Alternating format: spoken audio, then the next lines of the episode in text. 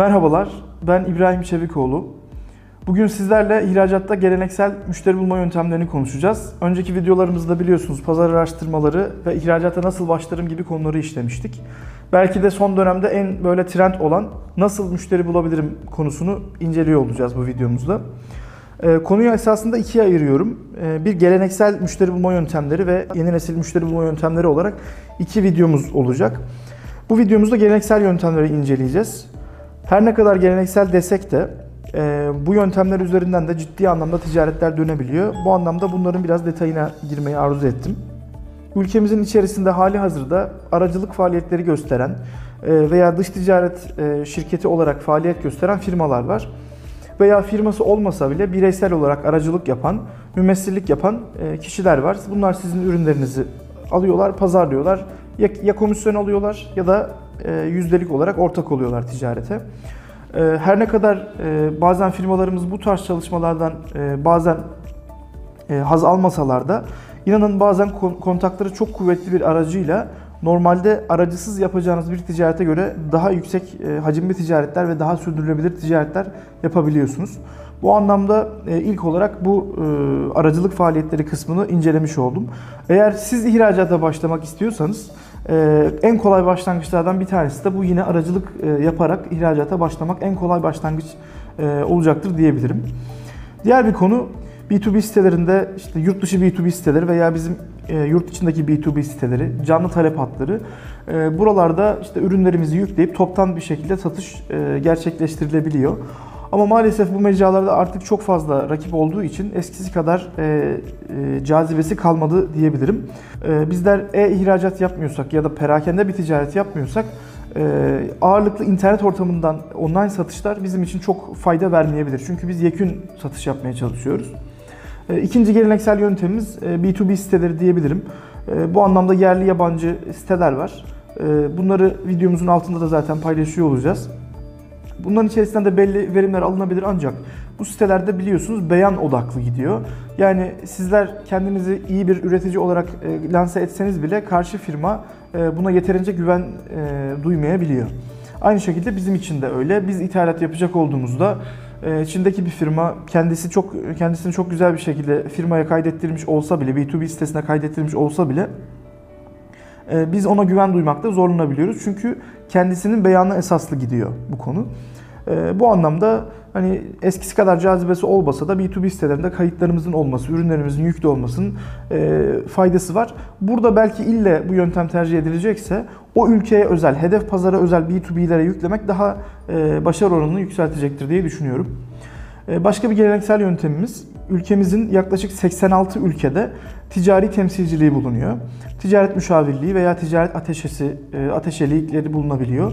Bu müşavirliklerde ürünümüzle alakalı e, çalışmalar, belgeler mevcut. Özellikle o ülkedeki ithalatçıların listesinin olduğu e, dokümanlar oluyor.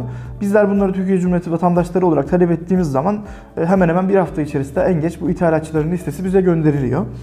E, Ticaret Bakanlığımızın müşavire danışın diye bir bölümü var. Buradan e, kaydolup taleplerimizi oluşturarak e, bir geri dönüş alabiliriz. Ancak buradan gelen listeler genellikle ülkeden ülkeye standardı değişen ve maalesef e, her ülkede aynı olmayan, aynı güncellik seviyesi olmayan listeleri içeriyor. Yani bir ülkedeki ithalatçı listesine baktığımızda elimize 100 firma verildiyse bunun belki 10'u hayatta, geri kalanı mesela batmış veya if- iflas etmiş firmalar olabiliyor. Ee, ama başka bir ülkeye gidiyoruz mesela. e, Müşavirimizin şahsi gayretleri veya oradaki yerel uzmanların iyi çalışmaları neticesinde sürekli güncellenen bir liste söz konusu ve elimize gelen listenin belki %60'ı güncel olabiliyor. Tabii ki şunu düşünebiliriz yani buradan bir firma bile müşteri çıksa bizim için kârdır. Doğru. Ama e, sonraki videomuzda bahsedeceğimiz yeni nesil yöntemlerdeki e, gerçek alıcılarla hedef e, müşteri profilimizin tutma oranıyla bu geleneksel yöntemlerdeki tutma oranı gerçekten çok düşük kıyasladığımız zaman. Bu anlamda bir yöntem midir? Yöntemdir. Yerel e, bilgi olarak, saha bilgisi olarak çok değerli midir? Değerlidir. Ancak dediğimiz gibi güncelliği e, her ülkede aynı olmayabildiği için e, tek yöntemdir diye asla bakılmamalı. Değerlendirilmeli ama sadece bu yönteme odaklanılmamalı diye düşünüyorum. Bunun dışında buradaki firmalarla alakalı olarak iletişimde de sadece mail atmak e, artık eski bir yöntem. Yani mailler atılabiliyor, tanıtımlar yapılabiliyor ama siz kendinizden düşünün. Mail kutunuza günlük belki onlarca belki yüzlerce mail gelebiliyor. Bunların kaç tanesine detaylı ve ilgili bir şekilde bakabiliyoruz.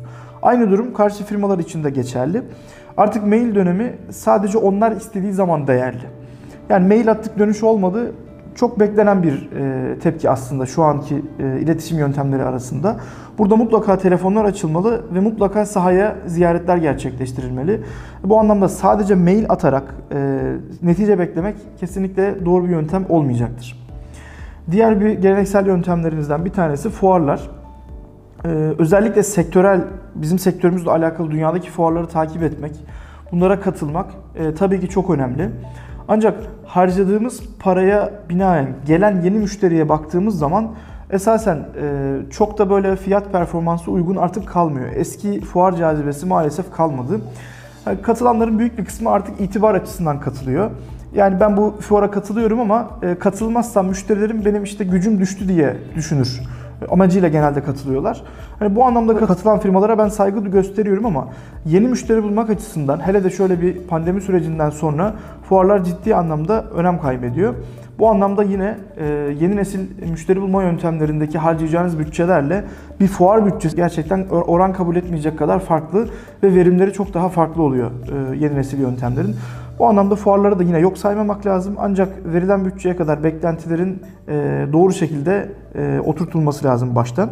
Bunun dışında biraz daha işte bizim yurt içindeki e, ihracatla alakalı kurum kuruluşlar, işte Türkiye İhracatçılar Meclisi, Dış Ekonomik İlişkiler Kurulu, belli belli başlı sivil toplum kuruluşları veya Ticaret Bakanlığımızın düzenlemiş olduğu etkinlikler veya bu kurumların dış temsilciliklerinden e, kurulabilecek bağlantılar üzerinden işte belli müşteriler bulunabiliyor. Veya bunların düzenlemiş olduğu satın alma heyetleri buralara gelebiliyor. Online olarak veya fiziki olarak. Bunlar değerlendirilebilir. Şu ana kadar anlattıklarımız geleneksel ticaretin içerisindeki resmi kısımla alakalıydı. Ancak ülkemizin ve coğrafyamızın gerçeği olan malumlarınız gayri resmi ticaret de mevcut. Bununla alakalı gayri resmi ticaretin öznesi olan kargocular veya dövizcilerden de müşteri bilgisi edinebiliriz. Yani şunu demek istiyorum. Bir pazara e, ürün götüren kargocular yani faturasız ticaretin öznesi olan kargocular e, götürdüğü pazarla pazardaki yüksek miktarda alım yapan e, müşterilerin kim olduğunu iyi bilirler. Dolayısıyla eğer gayri resmi ticaret yapılan bir sektördeysek bunu kafamızda büyütmeyelim. Yani kara para aklama gibi bir şey kesinlikle değil. Ama ülkemizin gerçeği olan belki 20 milyar dolar civarı e, ihracat olduğu söyleniyor bu konuda da. E, ciddi bir bölümdür yani bizim ihracatımızda. Gayri resmi ticaretin içerisinde mesela özellikle tekstil sektöründe, ayakkabı sektöründe, otomotiv sektöründe belli başlı gayri resmi ticaretler, faturası ticaretler yapılabiliyor. Bildiğiniz gibi bu zaten karşı ülkedeki ithalatçının talebi olarak bu yapılabiliyor, yapılıyor. Karşı ülkedeki ithalatçı vergiden kaçmak için zaten bunu yapıyor. Burada biraz detay açmak e, gerekli çünkü bazen yanlış anlaşılmalara vesile olabiliyor bu gayri resmi ticaret dediğim. Bu gayri resmi ticaretin öznesi olan kargoculardan da hani aramızı iyi tutarak bunlardan da müşteri öğrenebiliriz.